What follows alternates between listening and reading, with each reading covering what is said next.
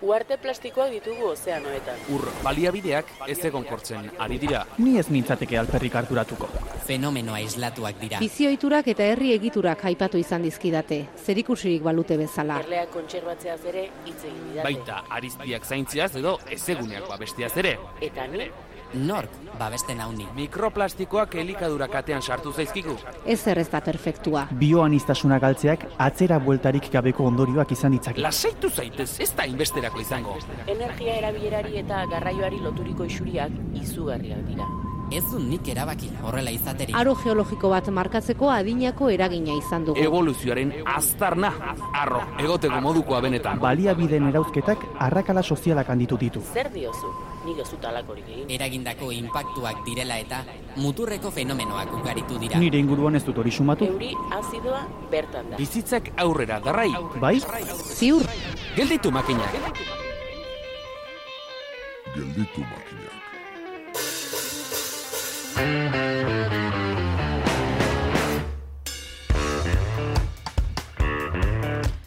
Erabili eta bota, erabilerarik emango etzaiona zaborra da. Erabilera baten emaitza gisa geratutakoa berriz, ondakina.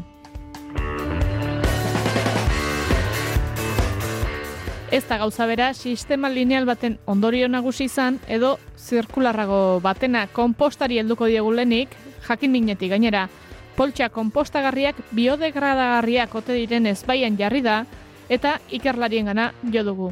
Junkal Gutierrezen gana eta Gorka Gaiastegerian gana.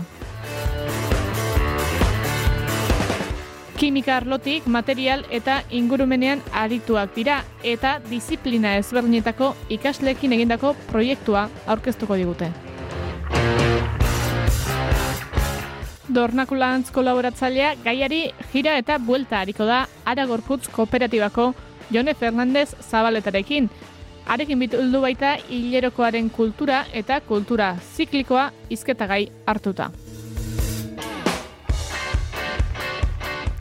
Ezer baino lehen ordea, baldakizu ezer lehen, amilio bi. Ez da marrubi barietate bat, askoz ere interesgarriagoa da eta jarraian aurkeztuko dizuegu. Badakizu ezer? Ez garela itzulinguruka ibiliko. Astera doa, gelditu makinak saioaren laugarren denboraldiko amaikagarren atala.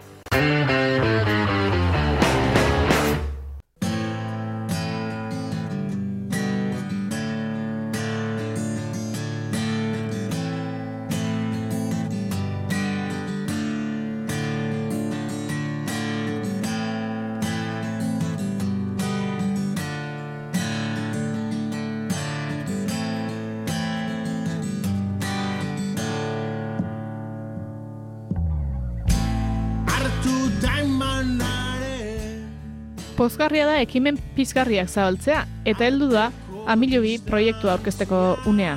Lurra, eusten gaituen lurra, ondasun kolektibo bilakatzeko helburuarekin ekin diote proiektuari, izan ditzaten herritarrek, elikagaiak eta nekazariek lurrak.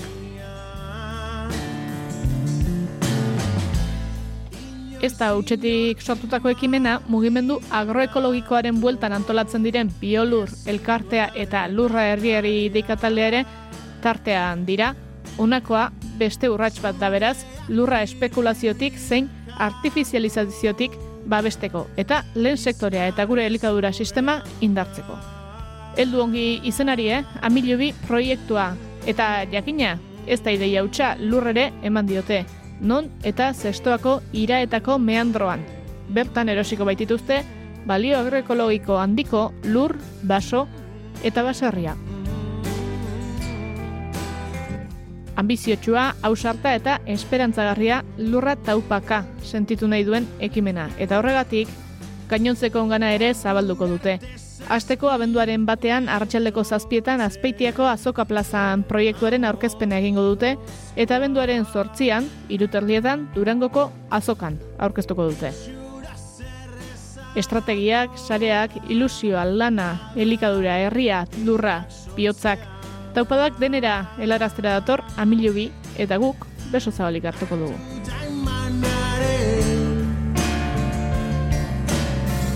arteko Holy Stein.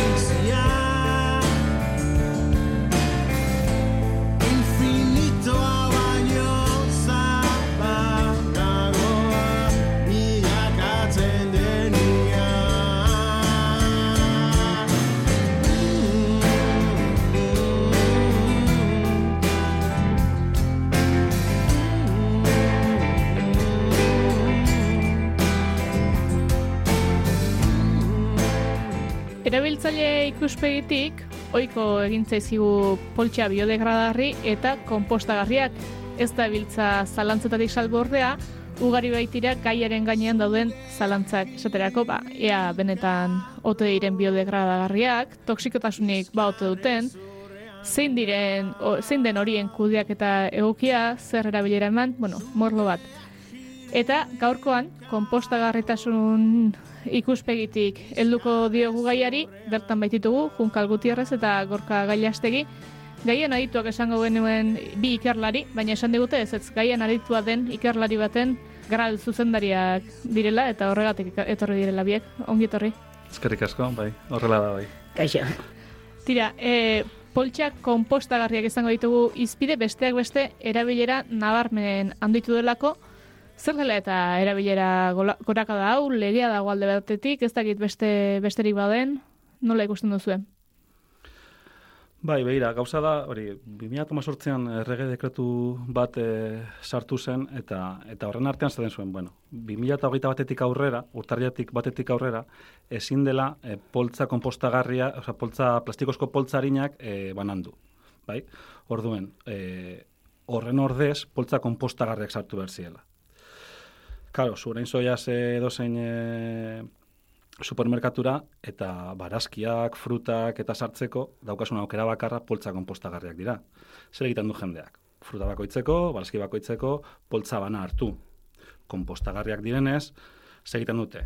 Ba, gero behin etxan daudenean eta behin hori fruta edo barazki hori erabilutenean, poltza guzti horiek e, ondakinekin batera, bi ondakinekin batera, dana juten dira horre e, sa, e, bai, kubo, kubo marroira. Orduan, claro, e, pasatu gara poltza gabeko e, ondakin mota batera, poltza asko dituen e, ondakin e, hori e, ondakin e, talde batera. Helduko diogu ikerketa bati eta lehen aipatu dugu grala e, egin zutela EHUko agenda 2000 eta hogeita marraren barruan eta bueno, bertan kompostagarretasuna aztertu zuten, kontatuko diguzu ea pixka bat proiektua nondik nora izan zen? Bai, e, bueno, EHU agenda 2008 margarrenan e, dokumentuan barnean, e, badaude plan sektorial ezberdinak. Eta horien artean dago planeta kampusa, bai? ingurumenaren inguruko e, erronkei aurre egiteko. Bai? E, bertan, e, ekintza ezberdinen artean, bat da potenteena eta eta da kampus biziala programa. Bai? Kampus biziala programa, e, saiatzen da, unibertsitatean dauden e, e, pertsona guztiak, hau da, ikasleak, irakasleak eta administrazio eta zerbitzotako langileak bateratzea, bertan dauden e, ingurumenaren eta irankortasunaren e, arazoei aurre egiteko e, proiektuak plantea desaten, bai? Danak, danak batera, bai? Osa, montau behar dira, e, horri aurre egiten dioten e, lantaldeak, bale?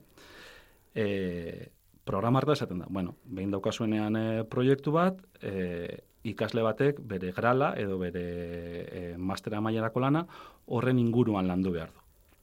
Orduan, bueno, guk orain e, urte batzuk e, jaso genuen e, eskuntza fakultatetik, e, Danizo Zagoitia irakaslearen partetik, ba, laguntza eskaera bat. Berak nahi zuen e, bere etorkizunean irakasleak izango ziren ikasleak, naturaren bitartez e, gauzak erakutsi. Eta orduan, berak badauka gazteizen e, hortu ekologiko bat, eta berak hor e, kompostajea lantzen zuen. Berak nahi zuen e, ikasle horiek kompostajearen prozesua ulertzea, intsektuak, izaki bizidunak, zelako kateak sortzen ziren, e, eta hori erabiltzea gero, ba, bere, beraiek, beraiek e, bere formakuntza lantzeko gauza horak esaten zigula. Bueno, guk behar dugu e, kompostajea ondo egitea. Zeguk e, nahi dugu erabili gero asaltzeko, baina ez bada komposta ondo egiten, ba, ez dago zereginik. Orduan eskatu zigun guri laguntza, ingeniero ikuspuntu bat sartzeko. Hau da, bueno, guk egingo duguna da, kompostajea e, hortu honetan ondo garatzea. E, kafetegiko ondakinak hartzea, eta eta behar diren pausu guztiak eta prozedura guztiak ondo, ondo egitea, denboran zehar, aurrera egiteko kolaborazio hori bukatu genuen, eta kontatu ginen gure ingenitza eskolan esela eser egiten kafetegiko ondakin organikoekin.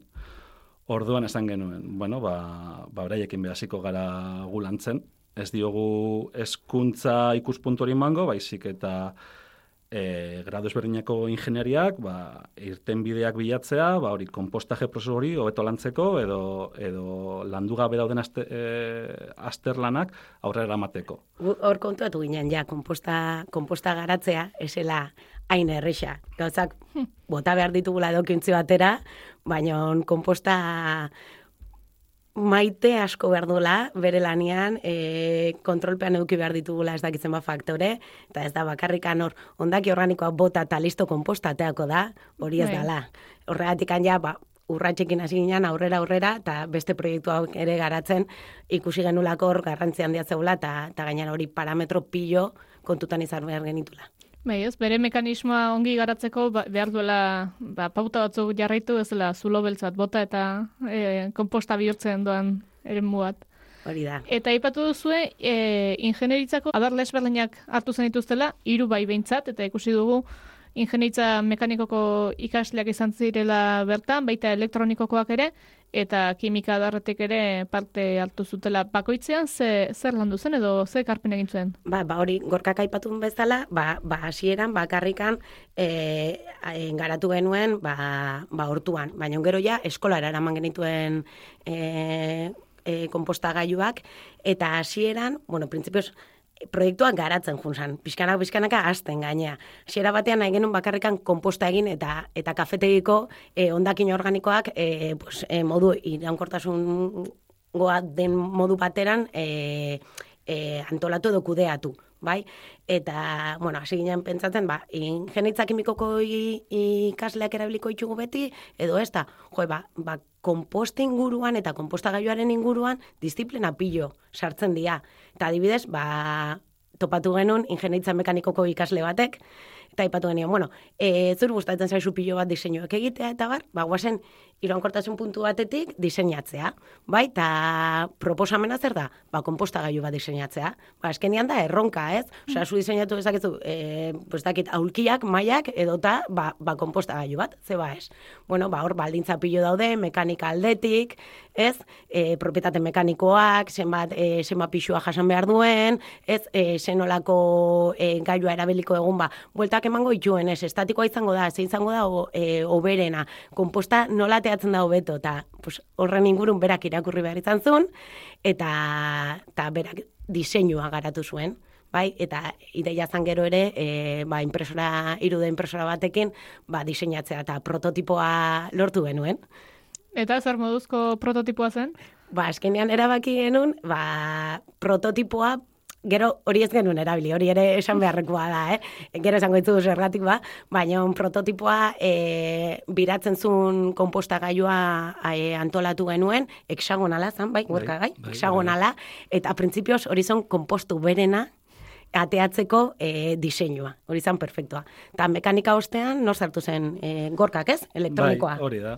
Claro, kontuatu ginen, e, guk irakurri genituen e, kompost egokia egiteko manualetan, betetzen zuen. Bueno, ba, erosia zuen termometro bat, eta joan egunero ikusten abersako temperatura daukan, eta noizbenka txekeatu aber pH egokia den, eta ezetasuna ondo mantentzen den, Eta zen genuen, bueno, hori e, ikasle batek ez dauka, ez dauka denborarik egunero juteko, edo hori hobetu daiteke. Zer egingo dugu? Bueno, elektronikari bati, azaldu genion, zein izan zen, e, zein den kompostaren e, kontekstua, zen non, non, non sartu behar den, eta garatu dezala e, horlako ordenagailu bat zentxoreekin, e, automatikoki neurketak egiteko, eta guk gero mugikorretik, ba, ikusteko apa, apaten bitartez, e, zelan doan eta ez gara joango urestatzen, ez bada behar. Ez gara joango, ez dakit, e, pH-a konpontzen, ez, ez badugu behar. Baizik eta txekeatu mugikorrean, eta esan, orain behar da, orain ez da behar. Eta, eta Bueno, eta gorkak izan zen, elektronikoa, Bai. gorka kintana. Bai, eta, pues, sorta izan euki genuen, eta urte horretan bertan ere, e, kimikare batekin lan egin genuen, orduan bigralak batera garatu ziren, eta orduan, kimika puntutik, ikuspuntutik, e, pH eta e, parametro guztiak, temperatura eta zetasuna, gaineran kriterio batekin e, aztertzen genituen, eta gero bestaldetik, ba, elektronikako ikasleak, garatzen zituen gailu guztiak, ba, guztiak kontrolpean eukitzeko. Orduan, bien batura oso oso ona izan zen, proiektu aurrera eraman alizateko. Bai, hori, hori, hori oso gustura gaude alderdi horrekin. E, urte hauetan egindako lan ezberdin guztietan, elkarrekintza oso positiboa gonda ikasleen artean. E, ikasleak e, adituak ez ziren gaietan oso ondo jartzen zen informazioa bere, beraien e, ikaskietatik, eta gero beraien txandazenean erakusteko zer ikasi dudan irula urte hauetan, eta hemen e, azalduko dut, eta ikusiko duzu zendo datorren zure alderdirako, ba oso, oso, oso maitza positiboa esan zen. E, kimikaria jasotzen e, elektronikoaren instrukzioak, sentzoreak e, kalibratzeko eta jartzeko, Eh, Barregarria, momentu askotan, bai, bai, bere bai, ikuspuntotik eta bere lokura puntu horretan. Bai, bai, bai. Eta beraie konturatzen ziren, e, ze, ze karpenak ematen zitun disiplina bakoitzak, eta ne ustez, gero ja, beraien, ez dakin nun amaituko duten lanian, bai, baina gero beste lanetarako e, erakarpen ezberdinak, pertsona ezberdinak, askenean gero talde guztiak gila multidisciplinarak dira. Edo sin lanean, bai. zu behar dezu, hemen irratian be bai, ba, norbaitek edizioa, beste batzuk diseinuak, beste batzuk ez dakitze, eta askenean elkar lan bat da, eta hori oso oso nahi zantzan. Bai, bai. Gero gainera izango zen beste puntu bat, eta asko krala egiten zuten ez, ba, bueno, interes berezi bat eukitzeko aitzaki bat ere bazela ez. Eta, bueno, pixkate hiru adarroiek nasi ziren, baina galtu nahi zuetea, hasierako hipotesirik ba otazen dukaten, zer aterako zen, zer ez, esperimentu hauetatik, zer espero zenuten? Ba, pixkanaka, pixkanaka, noan proiektua urte urtero garatzen junzan, ba, hasiera batian bakarrekan zen, ba hori, e, guazen gure ondakin organikoak, eskolan bertan sortutakoak, kudeatzera bidea, baina karo, gero, jo, ba, mekanika aldetik ez dakize, elektronika aldetik ez dakize, ba, pixkanak pixkanaka hori, hori garatzen izana, askenian ze lortu genuen. E, ba, grala ezberdin horien batura, e, ne ustez, ikasleak behintzat, etortzen ziren graloien bila, azkenean, beraik ikusten zutelako ze, e, ze proiektuan parte hartzen aizien, azkenean, komposta konpostagailuak hor patioan bertan zeuden, e, temperatura neurtzen dugu, baina benetan temperatura neurtzen dugu, esetasuna be bai, e, beste ikasle batzuk ere handikan pasatzen zian, eta eta ikusten zuten zela nahi zien lanean beste batzuek, mm -hmm. orduan, aldorretatik superpolita izan zen, eta gero pixkanaka pixkanaka, e, ba, asken txampaz izan zen, bueno, komposta lortu dugu, kompost polit bat lortu dugu, e, propietate aldetikona, baina, karo, asken urtetan, zer gertatzen nahi da, hori, poltsak kompostagarrien asuntua. Hori, hasiratik eh, sartu zen dituzten poltsa biodegradagarriak zuen, edo kompostagarriak zuen proiektuan, edo gerora, etorri zen? Gerora, azken txampa, azken urratza izan zen. Bai, hori izan zen, e, orain arte egin dugun azken, azken proiektua. E, kafetegikoak galdetu zigun, ber, poltsekin zer egiten genuen, eta hasi ginen horren inguruan irakurtzen, da, da ikusi genuen, ba hori, e, ondakin biodegradagarri hoien, euneko bost amar inguruko e, garrantzeuk esakeela. Horren, bueno, ba, egingo dugu, bi kompostora ditugunez, egingo dugu batean poltsarik gabe eta bestean poltzekin. Kontrol moduan. Aprobetxatuko dugu esateko, ubesko kemandako poltsa kompostagarriak baliatu dituzuela, proiektuaren berri izan, eta, eta bueno, muxitruk eman zizkizuela poltsak, hori ere azpimarratzeko modukoa da, alako lanak egiteko, ikaslekin lanak egiteko, baliagarri den kontua delako. Hori da. E, guk bagenekien poltzak berez kompostagarriak zirela eta kompostatu behar zirela. Ze horretarako daukate e, une bat atzean eta gero e, OK Compost Home e, sigilua bai atzean. Horrek, horrek e, esaten du, bai ala bai, e, etxeko kompost baten baldintzetan e, degradatu behar direla. Gauza da, e, euneko bosta botatzen bada, e, oiek plastiko kilo asko direla, eundakinekin batera. Eta, naiz eta e, euneko laro mar, e, zigiluak e, e, esaten du euneko laro marra degradatuko dela. Orduan, guk nahi genuen esan, bueno, baina, eta euneko mar hori ez bada degradatzen, zelako itxura duka olortzen dugun kompostori. Edo kompostori denbora berdinean e, helduko da.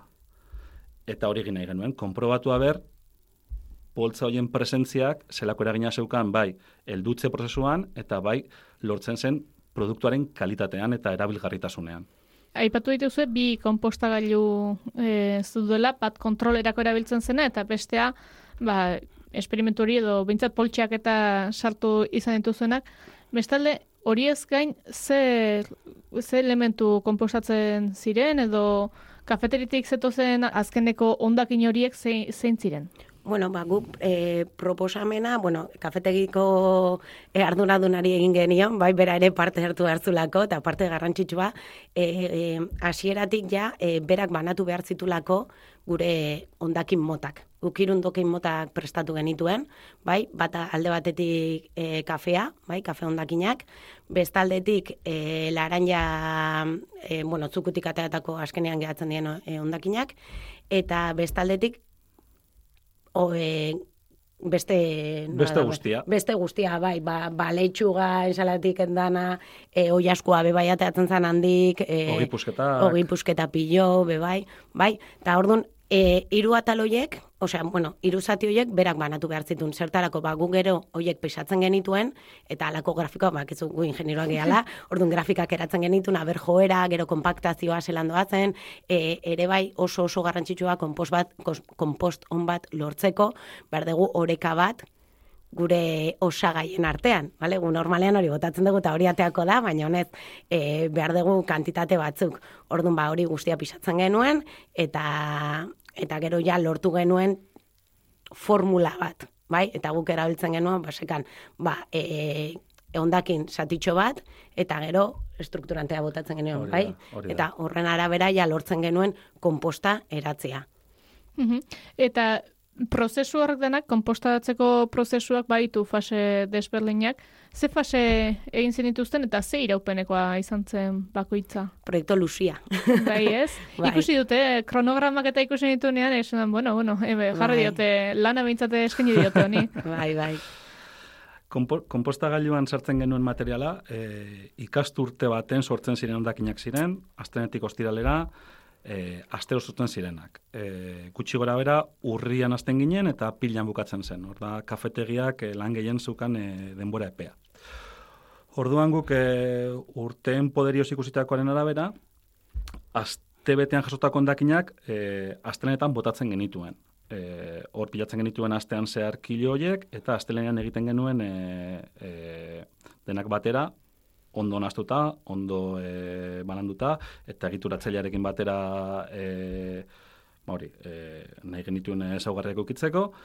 Aste horretan zehar, e, ikusi izan genuen izan zen. E, lehenengo bi, bi egunetan, elikagai berria zegoenez, mikroorganismoak aktibatu egiten ziren, degradazioa hasten zen, eta temperatura altuak lortzen ziren. Temperatura altuak esaten dugunean, da berrogoitik gora. Bai? Berrogoi, berrogoi tamar, irurogei, irurogei tamarren aino. Horrekin lortzen genuena zen, e, ba, patogeno guztiak edo e, nahi genitun ez belarrak ez astea. Bai? Hori, hor- horrekin bermatzen da, e, gerorako kompostori erabilgarri izatea astean zehar e, kontsumitu egiten zen materia organiko guzti hori eta e, osten joaten zen. Eta ja azkenengo ostiratik aurrera, larun batean igandean, ja berriro ere gutxi gora bera konpostagailuaren temperatura, barne temperatura zen kanpokoena, baino bakarrik pixka gehiagokoa. Orduan e, e, hori da hasierako fasea, hau da, ondakina degradatzen joatea, eta behin eh, iristen denean, hau da, pirilean, iristen denean e, ba, komposterak nahiko ondakin dituela, gelditu egiten da prozesua, eta iristen da eldutze prozesua, oste eta oldutze prozesua. Horrek esan nahi du, beste gure kasuan gazte izen daudelako, beste lau bostila bete, e, egon behar da, ba, giro temperaturan, ikutu gabe, mugitu gabe, Eta ez, ja, ez ditugu eondakin gehiago gehitzen. Ja, amaitzen dugu prozesua. Hori da. Heldu arte, heldu arte. Botatzen dugun bitartean, bai e, irauli egiten dugu, ura gehitzen dugu, ba, egin behar ditugun e, hobekuntza guztiak e, aplikatzen ditugu, baina hori da. E, behin kompostera itxe egiten da, apirilean izten ditugu, eta ba, hori, e, irailera arte e, bakarrik txekeatu dana ondo zegoela, eta heldutze, heldutzea gertatzea. Beraz, prozesu luzia, pazientzia asko behar izan genuen, bai, sukastezarenetik gero emaitzak lortu arte, ia urte bete pasa behar izana. Eta ikusi dut, aldagai batzuk hartu dituzuela aintzat, e, bai, barroko zein kanpoko temperatura, ezetasun erlatiboa, e, zein dira zuek esango dituzue argiago agian? Bai, e, zuk esan dituzuna, eta, eta bai e, neurtzen genuen, e, bueno, neurtu ikasleak egiten zuen, zen e, usaina eta gertzen den fauna. Bale? Kompostak daukan usaina eta batez ere bertan e, bere inguruan sortzen diren e, mikroorganismoak edo animaliak e, pista handiak ematen dute zelako egoeran o zelako, zelako prozesuan gauden. Eta etapan, bai, zehazten Etapan, ditu. hori da, hori da. E, da- danagokia den, e, onerako, onerako e, bitxoak agertzen diren edo ez, eta gero, ba hori, e, lehen aipatu dugun e, aplikazio, mugikorreko aplikazio horren bitartez, kanpoko eta barneko temperatura, bai konpostagailuaren erdian eta bai ertzeetan, azkenean e, olako desfase bat egoten zen, esetasun maila eta eta pH-a. Ba, Arretzekoa da, zenbat uste zu, ze temperatura harrapatu dezakela konpostagailu batek. Ba, adi egon naiz eta gorpari entzun diot irurogeita marreraino iritsi zela. Hori da, hasiera batean ia sineste zina da esaten duzu, Bai. bueno, kutxa bat hortxea kasu, non bota dituzun e, ondakin organikoak eta mikroorganismoak hasia lanean, lan jota fogo, jota fogo hor, jaten, jaten, jaten, eta bere temperatura pilo, pilo egotzen da, eh? Bai, eta harrigarria da gainera ez daudenean hermetikoki itxita ere, ez? Eh, Hor hori da, gero temperaturarekin eh, hartu eman handia dutenean. Hori da. Eta gainera ikusi du baita ere grafikoetan alde handia zegoela temperaturan batetik, baina gero fasez fase eta e, atxeena eta heldutze garaian ere aldagaiak izugarri aldatzen direla. Hor, ze, ze bilakera edo sumatu zue, ze, zer e, deitu dizue arreta edo ze razpimarratuko zenukete? bueno, kontrolpean genekala, azkenean zuk e, elikatzen desunean e, zure, e, zure sistema, bai mikroorganismoak hor lanian hasten dira, eta hasierako etapetan lortzen diren temperaturak oso oso altuak ziela. Baina nere bai, e, lortzen genuela patroi bat, ez? Botatzean temperatura igotzen zan, pilo-pilo, gero beraz joala, eta gero ja osk, o, egonkortzen zala ja, eltze prozesu horretan oso oso egonkorra zala. Bai, azkenik klimare hor e, gazteitzen izatia, gorga batu duen bezala, sai izan zan, e, temperatura oso oso basua lortzean, bai, gertatzen zana da, prozesuan naizta, eltze prozesuan ez egon batzutan, gerditzen zala. Eta berriz elikatu behar izan genuela, eta, bueno, mugimendua, bai, azkenean gure mikroorganismoak berpizteko. Badaude oso, oso, oso bideo esanguratsuak, eh, ba, abendu baten, bueno, abendu tarlean, eh, zeru gradu egon ziren, zeru bost gradu inguruan, elurra egon zen, dana zegoen elurtuta, konpostagailua zegoen guztiz elurtuta, zabaltzen zen un tapa, pixkat mugitu, eta kriston eh, urlurrun eh, jari bateatzen zen, eta oso, oso polita zen bideo hori, espektakularra zen, bai. Eta helduko diogu, zer pasatzen poltsa konpostagarri horiekin edo degradatu altziren edo? Ba, printzipioz, guztiz, bai, esango genuke, bai, betetzen dituela legediak aipatzen duena. Bai, legediak aipatzen duena da, ez dela guztiz guztiz e, degradatu behar, baizik eta askenik e, OK kompostaren, OK home kompostaren kasuan, diela e, sei hilabete, baina gero beste amabi hilabete gehitzen zaskio e, biodegradazio guztirako, Bai, orduan, amabi e, hilabete horretan guk ere amaika hilabete inguru egon ginean lanian, beraz, e, konparatzeko aukera daukagu, bai, e, betetzen duela araudiak esaten duena, da, e, azkenik lortu behar dituzun satiak, lau milimetro ziren? Lau milimetroko baino- azalera. Azalera, Milimetro baino, azalera, bai. gehienez lau milimetro eduki behar zituztela. Eta gure kasuan, bai, txikiak lortu ditugu. Eta horrek badauka eragini gainerako konpostatuan, alegia, bi konpostagailu bazen dituzten, batean poltsak zuden bestean ez, bien arteko kompostearen kalitatean edo gainer, zer, zeo zertan alderik sumatu duzuen? Jo, aldea batez be, e, kompostaren kalitatean, ez nuke esango baitzik eta egunerokotasunean, bai aldea. Bai. Azkenik, e, prozesua ia, ia berdina, tem, eristen zian temperaturak oso, oso berdintxuak, bai, guk espero genuen poltsak gehitzearekin, ba, temperatura pizkatxoa geiztia, esetatzen aldetik, eta bar, baino bilak, gaina parametraz, e, e, ba, parametroak neurtu ziren elektronikoki, beraz, guztiz kontrolpean, eta oso oso antzekoak ziren grafika ba. Alde honetatik, ja, kale. Baina, bueno, gero aurrera junginan, eta, bueno, ba, kalitatearean, ba, eragina eukiko du, gure hipotesian, bai, ze osere ingo ditu hor, poltsak sartu izatia, baina gero konturatu ginen, prozesu aldetik ondo zegoela, eta kompostaren kalitatea, be bai. Fraisoro kolaborategian egin ziguten e, e, karakterizio fisiko-kimikoa, eta emaitza oso antzekoak ziren. Eldutze denbora be berdin izan zen, amaika hilabete inguruko eldutze prozesua izan zen, eta eta betetzen zen esaten zuena jonkalek esaldu den bezala, betetzen zen e, bai zigilu horrek e, siniten zuena, hau da, euneko larogeita marra degradatu zela. Gure, kasu, gure kasuan, datuak hobeto handu berko dira, baina gutxi gora bera, euneko lauko masa berreskuratu dugu plastikoetan, beraz, e, horko tartean gaude.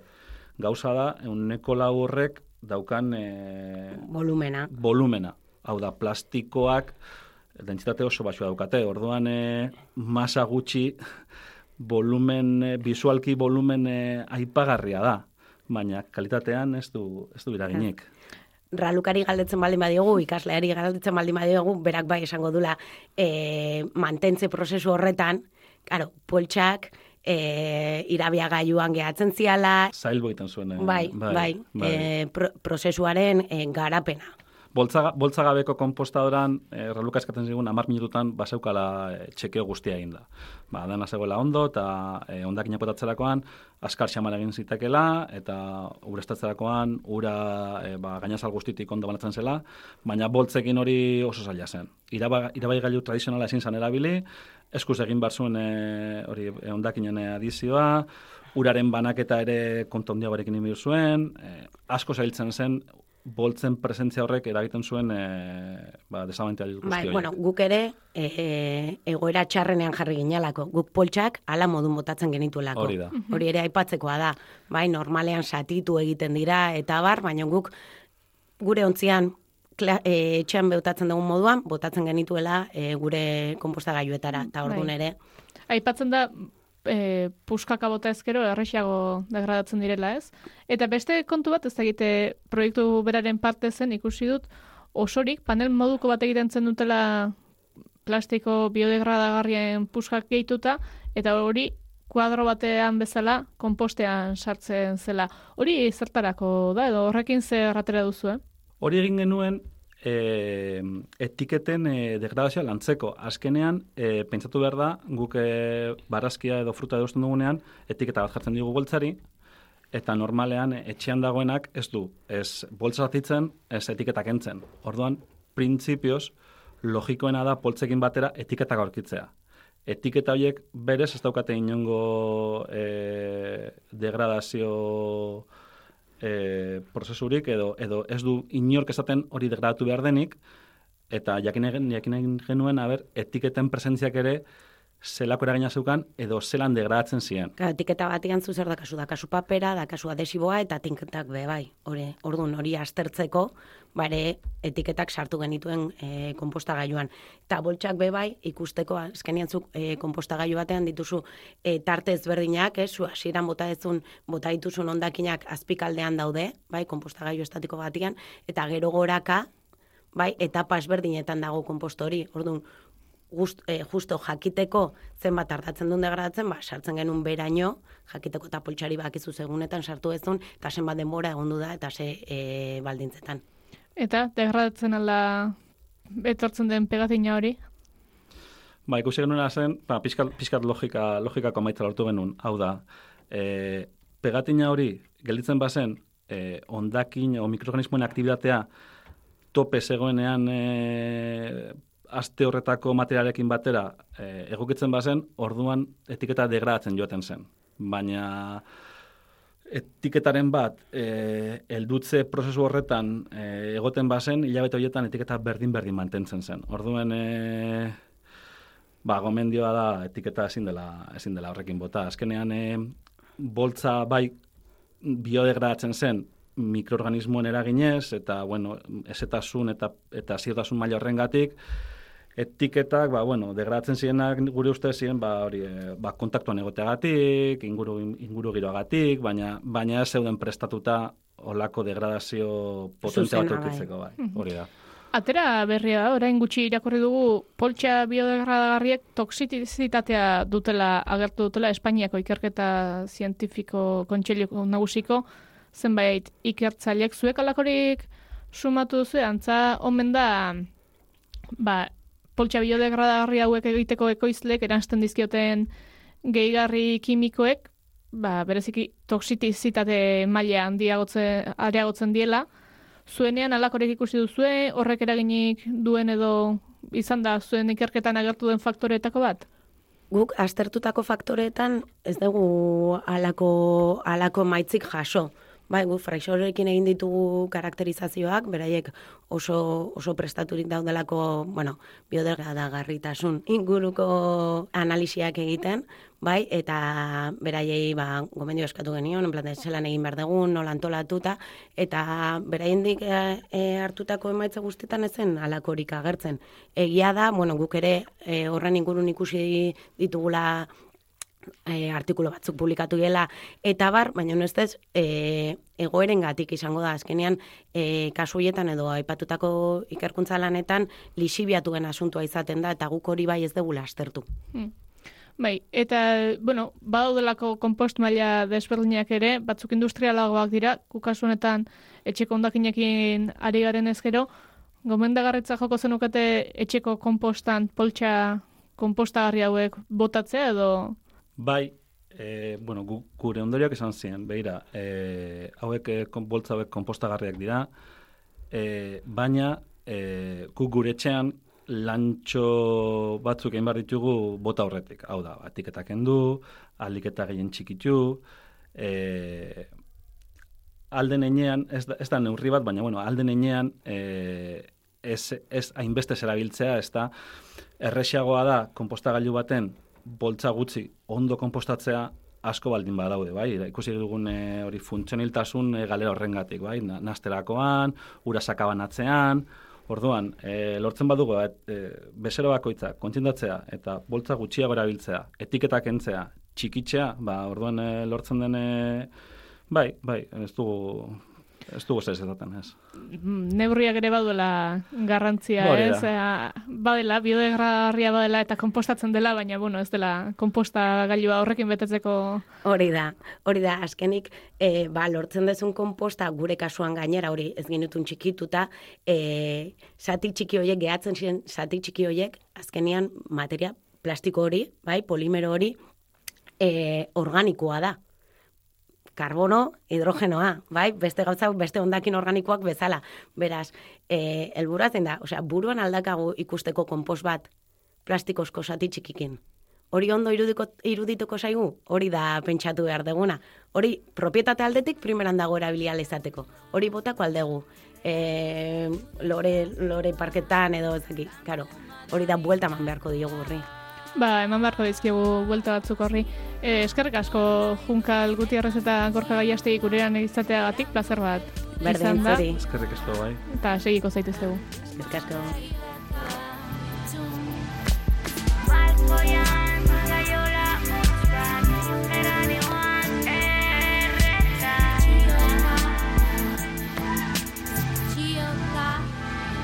Nor nahi duen kantua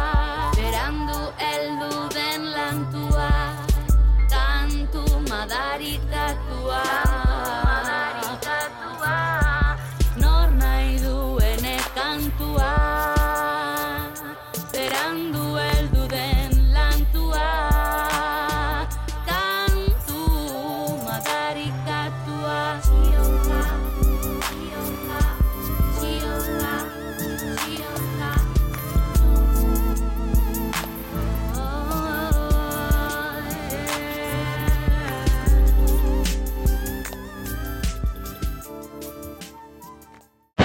Gelditu makinak, naiz irratian, elipagolarekin.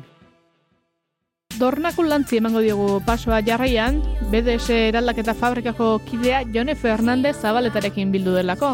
Ara gorputz kooperatibako kidea da Fernandez, eta hilerokoaren kultura eta kultura ziklikoa dakarki dute gurera.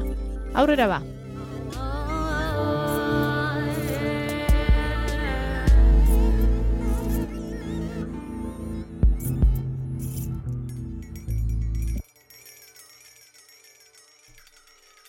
E, kaixo entzule guztiak, e, hemen berriro gaukazue BDS-ko pelkartetik, laia e, aldizkariaren inguruko elkarrizketak egiten gaur ere. Eta e, orengoan, e, ba, Jone Fernandez Zabaleta daukagu gurekin, e, Aragorputz kooperatibako kidea. Eta, bueno, ba, gaurko gaia da nahiko e, agian ez ezaguna, baina aldi berean oso e, arrunta gure bizitzan, ez? E, pixkate gaurkoan e, ovulazioa, e, hilerokoaren kultura, kultura zirkularra, pixkat hori dena aukituko dugu. Eta, bueno, ba, noski lehenbiziko galdera hola pixkat orokorrean izango da baita, e, zer da gorputzak eta ovulazioa erdigunean jartzea? Bueno, e, guk aipatzen dugu, ba, gorputzak eta ovulazioa erdigunean jartzea, moduren batean, ba, azkeneko urtetan mugimendu feministatikan hitz egiten da bizitzak erdigunean jartzearen inguruan, ezta? Eta guri ba, oso politi iruditzen zaigu eta guztiz beharrezkoa noski, baina hau lurreratzeko beharra sentitzen dugu, ezta? Eta eta nola ekarri gure egunerokotasunera, e, praktikoa izan alizateko eta ez gelditzeko ba, filosofia abstraktu batean, ez? Orduan, e, guretzako lehenengo, mm, osea, bizitzaren lehenengo mm, adierazpena, ez, izango zen gure gorputza bera. Orduan, ba, gure gorputza tikan, osea, gure gorputzaren konexiotikan, ez, eta hortikan aitortza batetikan abiatzea e, ba, bizitzak bizigarri egiteko e, ba, bide horretan, ez? Eta gorputzak orokorrean, gure gorputzak, eta ba, oraindikan eta gehiago zehazten bale badegu guretzako mm, ba, kultura zirkularra, ziklikoa, ez? E, hau aipatzen dugun honetan, guretzako oso garrantzitsua da ovulazioa. Mm, gure gorputzetan e, e, ematen diren aldaketetan, ba, mm, eragin nabarmena daukalako bizitza onaren bidean, ez? E, gero ba agian ikusiko dugu aurrerago urrengo galderetan ba zer den hau, ez? Baina guk ditugun e, ezaugarri biologikoak kontutan hartzea uste dugu garrantzitsua dela, ba, ez direlako kontutan hartu historikoki, ba, medikuntzan eta beste hainbat e, ba, bizitza moldetan, Em, eta gero, orduan horreri begirada bat, eta horrek daukagun kulturarekin nola egiten duen talka edo dantza aztertzea, iruditzen zaigu dela garrantzitsua. Hor, karo, e, ez dakit entzulek ze punturaino ezagutzen duten gaia edo ez, bino, bai badaki, bueno, oro har jakina izango da, hilerokoa azken batean badela e, zirkulu bat, ez? Osea, da, hilerokoa bizkate urtaroak bezala, ez? Badu bere garai e, odola uteroan dagoen e, garaikoa odola, bueno, ez da odola, da iragoza gehiago, baina ne baduzu bai da hasi eta bukatu, etengabe hasi eta bukatu egiten den zerbait, eta hor da, pixkate epatzen zenuen, e, kultura zirkularra, ez? Mhm. e, dela gorputzan gandik ikastea nola funtzionatzen duen, eta gorputzaren ritmotara egokitu, eta horreri deitzen zaio kultura zirkularra, edo baita agian hilerokoaren kultura, edo bestelako moduan, hortik zijoan bigarren galdera zua saltzen hasi zaren bezala, e, nahi baduz orain sakontzen dugu honetan zer den kultura zirkularra, ez, eta nola, nola iten den. Bai, em, batzutan ba, erronka, gure erronka hau da, ezta? Ez gelditzea mm, maila oso abstraktu batzuetan edo teoriko batzuetan guztia hau, ez? Em, bai, urtaroen aldaketak gertatzen dire ba, mendietan, binon gertatzen dire gure korputzetan baita, ez? E, eta zentzu horretan gure gorputzetara eta gure egunerokotasunetara ekarri guzti hau bai uste dugu beharrezkoa dela aitortzea ez gerala linealak, ez gerala egunero berdina altxatzen eta ez gerala hilabeteko momentu bakoitzan berdinak eta honek askotan eragiten digu ba, frustrazio handi bat, eroak gaudelaren sentsazio bat, e, inestabilidade bat, ez gerala fidagarriak, mm, eta hau ere bai, berriro ere bai, da, dago errotua kultura patriarkal batean, ez? E, kultura batean nun ba, sistema kapitalista edo produktiboa bezala ba, dena den aurrera eta gora eta e, zentzu em, norabide bakar batean, ez? Eta orduan hemen e, kultura ziklikotikan edo hilerokoaren kulturatikan, zirkularretikan e, aldarrikatzen dugu e, errealitatea poliedrikoa ere bai badela eta gure errealitatea irakurtzeko eta funtzionatzeko modua desberdina dela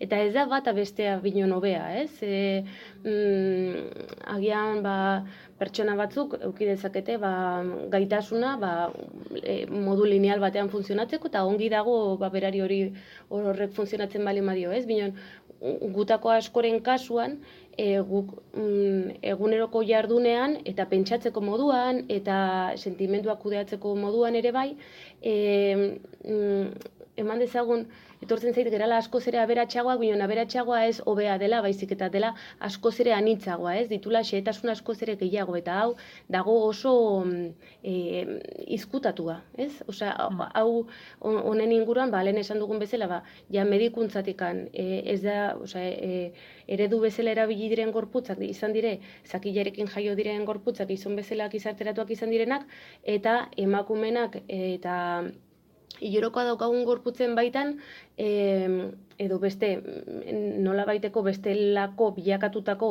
sujetu batzuengan ez da egon ikerketarikan, ez? Orduan, em, gu ez gaude ikerketa zientifikoetatikan abiatzen, baina ikusten dugu hori dela adierazpen bat nola ba, gure realitateak ez diren baliozkotzat hartzen, eta orduan askotan ba, mm, min e, itzikan ez daukan minetara iristen geran, ez ezagutza horretatikan, ez? Orduan, uste dugu beharrezkoak direla ikerketa zientifikoak eta uste dugu beharrezkoa dela baita kulturan aitortza bat eta balioztatze bat e, errealitate ba, desberdin hauekiko. Em, bai, horra adibidez, gogotara etortzen zaigu zirkularra hitza orain entzuten da asko baita ekonomia zirkularra, ez? Edo mm, beste lekutan eta badakigu ekologia bera, ez? Osea, bio e, natura bera zirkularra dela, ez? E, Mhm. Hondakinik ez da sortzen. Eta badakigu, gero, berotegi globalaren aurrean, e, ezinbestean halako ekonomia batera joan behar dugula, da, ekonomia estraktibista kapitalistaren izaera, izate lineal hori, eta hondakinak izkutatuta existituko ez balira bezala Mhm. tratatzearen asuntua guztia badakigu, ba, badula bere muga, ez? Ez Mhm. da laneko fantasiosoa, ez? Eta ez dela posible errela bizitza gehiago. Eta Mhm. noski eh, hori denek eh, ezinbestean onartzen dugun zerbait da, baina esaten duzuna ez da gure gorputzetara aplikatzen diogun zerbait. Hori gara Mhm.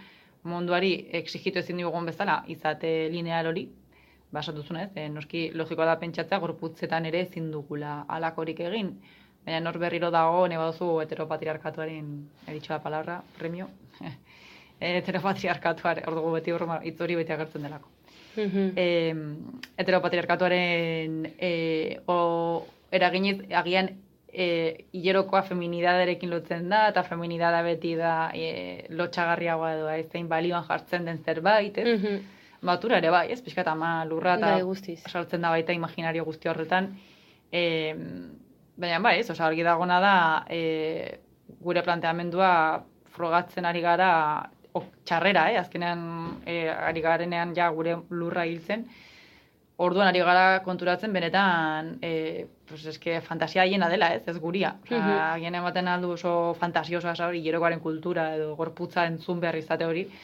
Baina eske igual eh, egia, osea, realitateak ikusten duguna da kontrakoa, ez? Osea, que, que el mundo de la piruleta da beraiena, ez? Mhm. Bai, bai, eta mm, ere bai, ba, bueno, guk planteatzen dugun moduan, egia da, hau dela e, mundu ikuskera bat e, ba, aplikatu ditekena mm, guk batzutan aipatzen ditugu igual hiru maila, ez? Bata izango zen maila globala, maila makroa, dela aipatu duzuna, pues, e, ba, lurraren suntxiketa, gertatzen ari dena, gertatzen ari diren, ba, mm, erailketa masibo guztia gaur egun, e, kolonizazio edo neokolonizazioaren ondorioak, osea, badela baita logika bat dela guztiz espansibista eternamente, ez? E, ordan, guri gertatzen zaiguna da, eta hau guztiz mm, beharrezkoa ikusten dugu hori aldatzea, baina batzutan termino horietan gelditzen balemakera, e, agian sentitzen gera askotan ez daukagula gaitasunikan eragiteko, ezta? Orduan,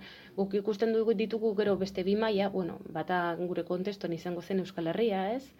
Em, baina, bueno, horre ez nahi sartuko, baina gero ja, ba, urbilago, e, ba, maila komunitario eta maila pertsonalean abertzer egin dezakegun ba, guzti honekin, ez? Orduan, em, guk uste dugu, bai, gure gure buruarekin edo gure gorputzarekin, ez? E, euskerak ere bai badauka trampa hori gure buruaz ari geranean, e, ari gera gutaz, baina berriro ere bai ari gera mailaketza bat jartzen nun burua geran gu, eta Mm. gu gera burua binon askoz ere gehiago, ez? Ja. E, ba, bueno, Mm. Orduan, e, guk uste dugu mm, ber, em, berrantolaketa hau e, ba, gure baitan eta gure ingurukoetan e, praktikatzen hasi gaitezkela eta hor praktikatzen dugunean azkenean em, bilakatzen da zerbait nik uste dut naturala edo zerbait e, eramaten gaitula horretara globalki e, eragitera beste modu batzuetan, ezta? Nik e, ezagutzen bali badut nolakoa den nolakoak diren e, nere behar nere behar izanak eta nere desirak guk uste dugu askoz ere e, erresagoa izango dela eukitzea jarrera mm, errespetuzko jarrera batzuk naturarekin beste herrialde batzuetako ba zapalkuntzeak ba ez auspotu e, errespetu re- arekin jokatu pues, gure fizikotik desberdinak diren pertsona batzuekin, gure zaurgarritasuna e, aitortzen dugun momentutikan besteen zaurgarritasuna ere bai e, kotutan hartzea erresagoa izango delako. Orduan, hau da gure abia puntua eta iruditu dezake eta bada e, teoria oso mm, zabal bat eta oso mardul bat, baina guk jendeari ba, egiten diogu gonbidapena ez galtzeko gauza oso abstraktu eta gure es- eskutatik kanpo sentitzen ditugun horretan, baizik eta gure esku dagoena, e, gure esku dagoen hortan e, jarri balioa eta aitortu ja dakiguna. Ze askotan pentsatzen dugu, ba, hori ba, dakitenak beste batzu direnak, ba, agian em, unibertsitatetan daudenak, edo ba, beste, idazten dutenak, hor ba, ere bai badago mailakatze bat, ez, e, ba, kontutan hartu gabe, ba, adibidez, ba, umeek dakitena, ez? Mm. Eta umeek egiten dituzten ba, mm, mugimenduak, ez, e, agian hor fokoa aldatu eta eta hasi jartzen balioa, e, ba, bueno, besteak ere bai badakite, bai, badakite parametro batzuen baitan, bion jarri balioa ba beste gure gorputzetan eta gure ingurukoen gorputzetan, ez? E, Mm. Orduan, bueno, hau guztia. dugu aukera gauzak ikusten dut oraindik badugula hor pastel handia eta igual e, urrengo saio batean izango zen interesgarria itzea neurri praktiko hauei. Gaur markoa handi horretan ibiliko gara, espero hori etxiko dugu. Eta bueno, Marko Potolo horreri bizkat mm, itxiera ematen joateko Bai, bueltatu hilerokoaren kulturara, ez? Horre hitz asko ateitzen dire, hilerokoaren bueltan, e, hor daude hainbat hormona, ez? E, progesterona, e, estrogenoak, gero hitz egin dugu ovulazioaz, e, hori guztia, ez? E, alako hitz guztiak e, zer da, osea, pixkat ze, hitz, zer ere, zer inguruan hitz egiten ari gara. Mhm.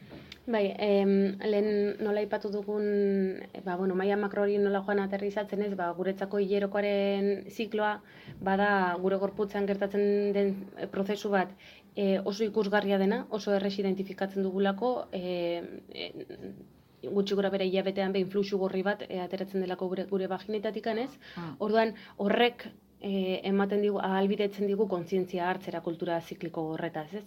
Orduan, e, aurrerago agian hitz egingo dugu gehiago, iruditzen zitelako tema bat apasionantea, hormonen kontua hau ez, Bai. baina saiatuko naiz, saiatuko naiz, e, ez gehiegi hemen sartzen, badire momentu desberdinak gure gure e, hilerokoaren e, zikloan, eta eta ere bai aipatu nahi dut ez dela mugatzen edo gure vaginara edo gure uterora guk ez dugu erabiltzen umetokia hor euskerarekin uste dugu erronka batzuk baditugula eta umearen tokia izatez zaratago ba, guretzako osasun eta osasun adierazle bat da eta osasuna sortzen duen e, e, organo bat da, ez?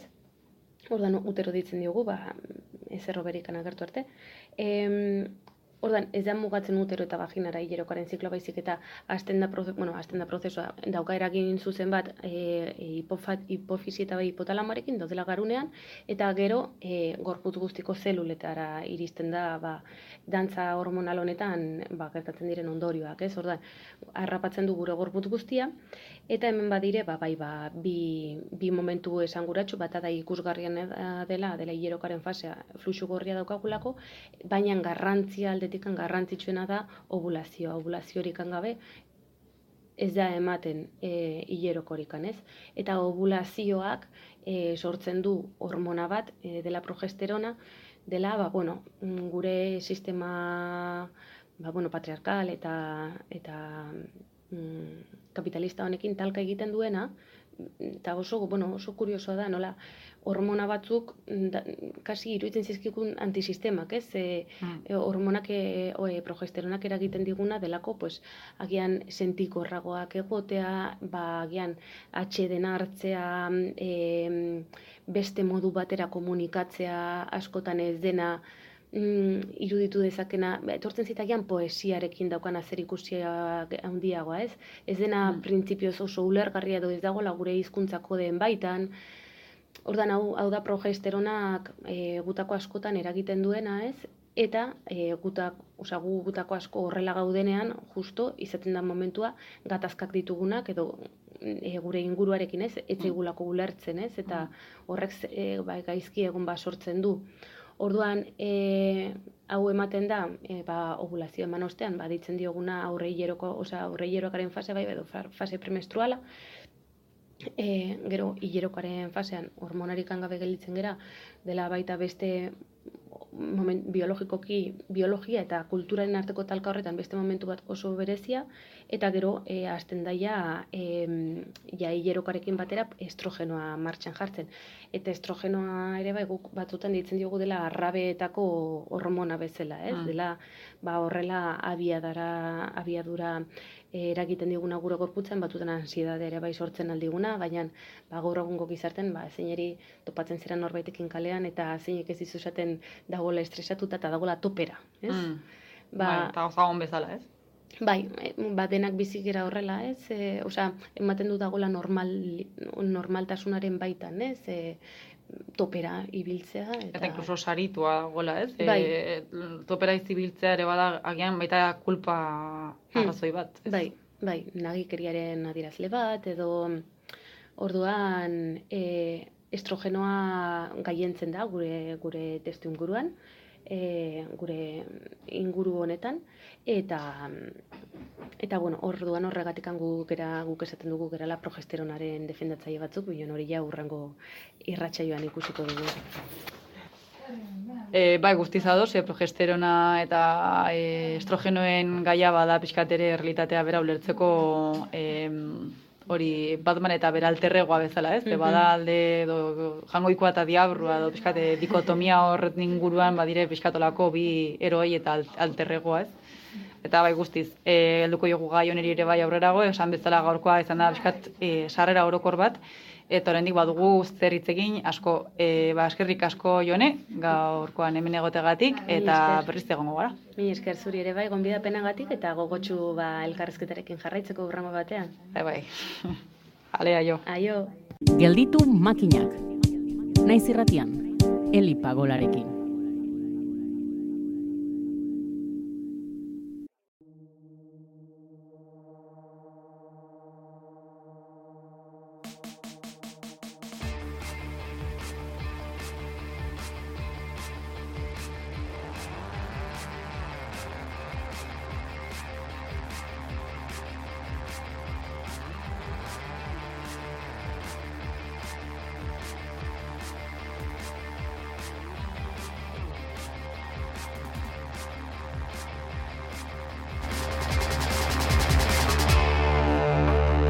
Eskerrik asko dornaku eta jone interesgarria benetan eta eta bat eta beste amaiera puntura heldu gara.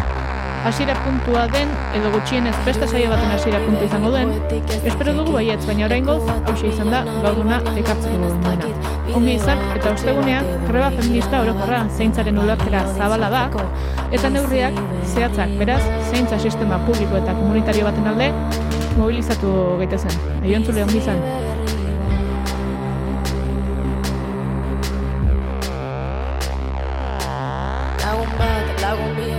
Gehiagorik. Goazen bakarrik egotera baina elkarrekin. Maite nauzu badakit berak ere badaki. Alduta gaude deno bakoitza bere aldetik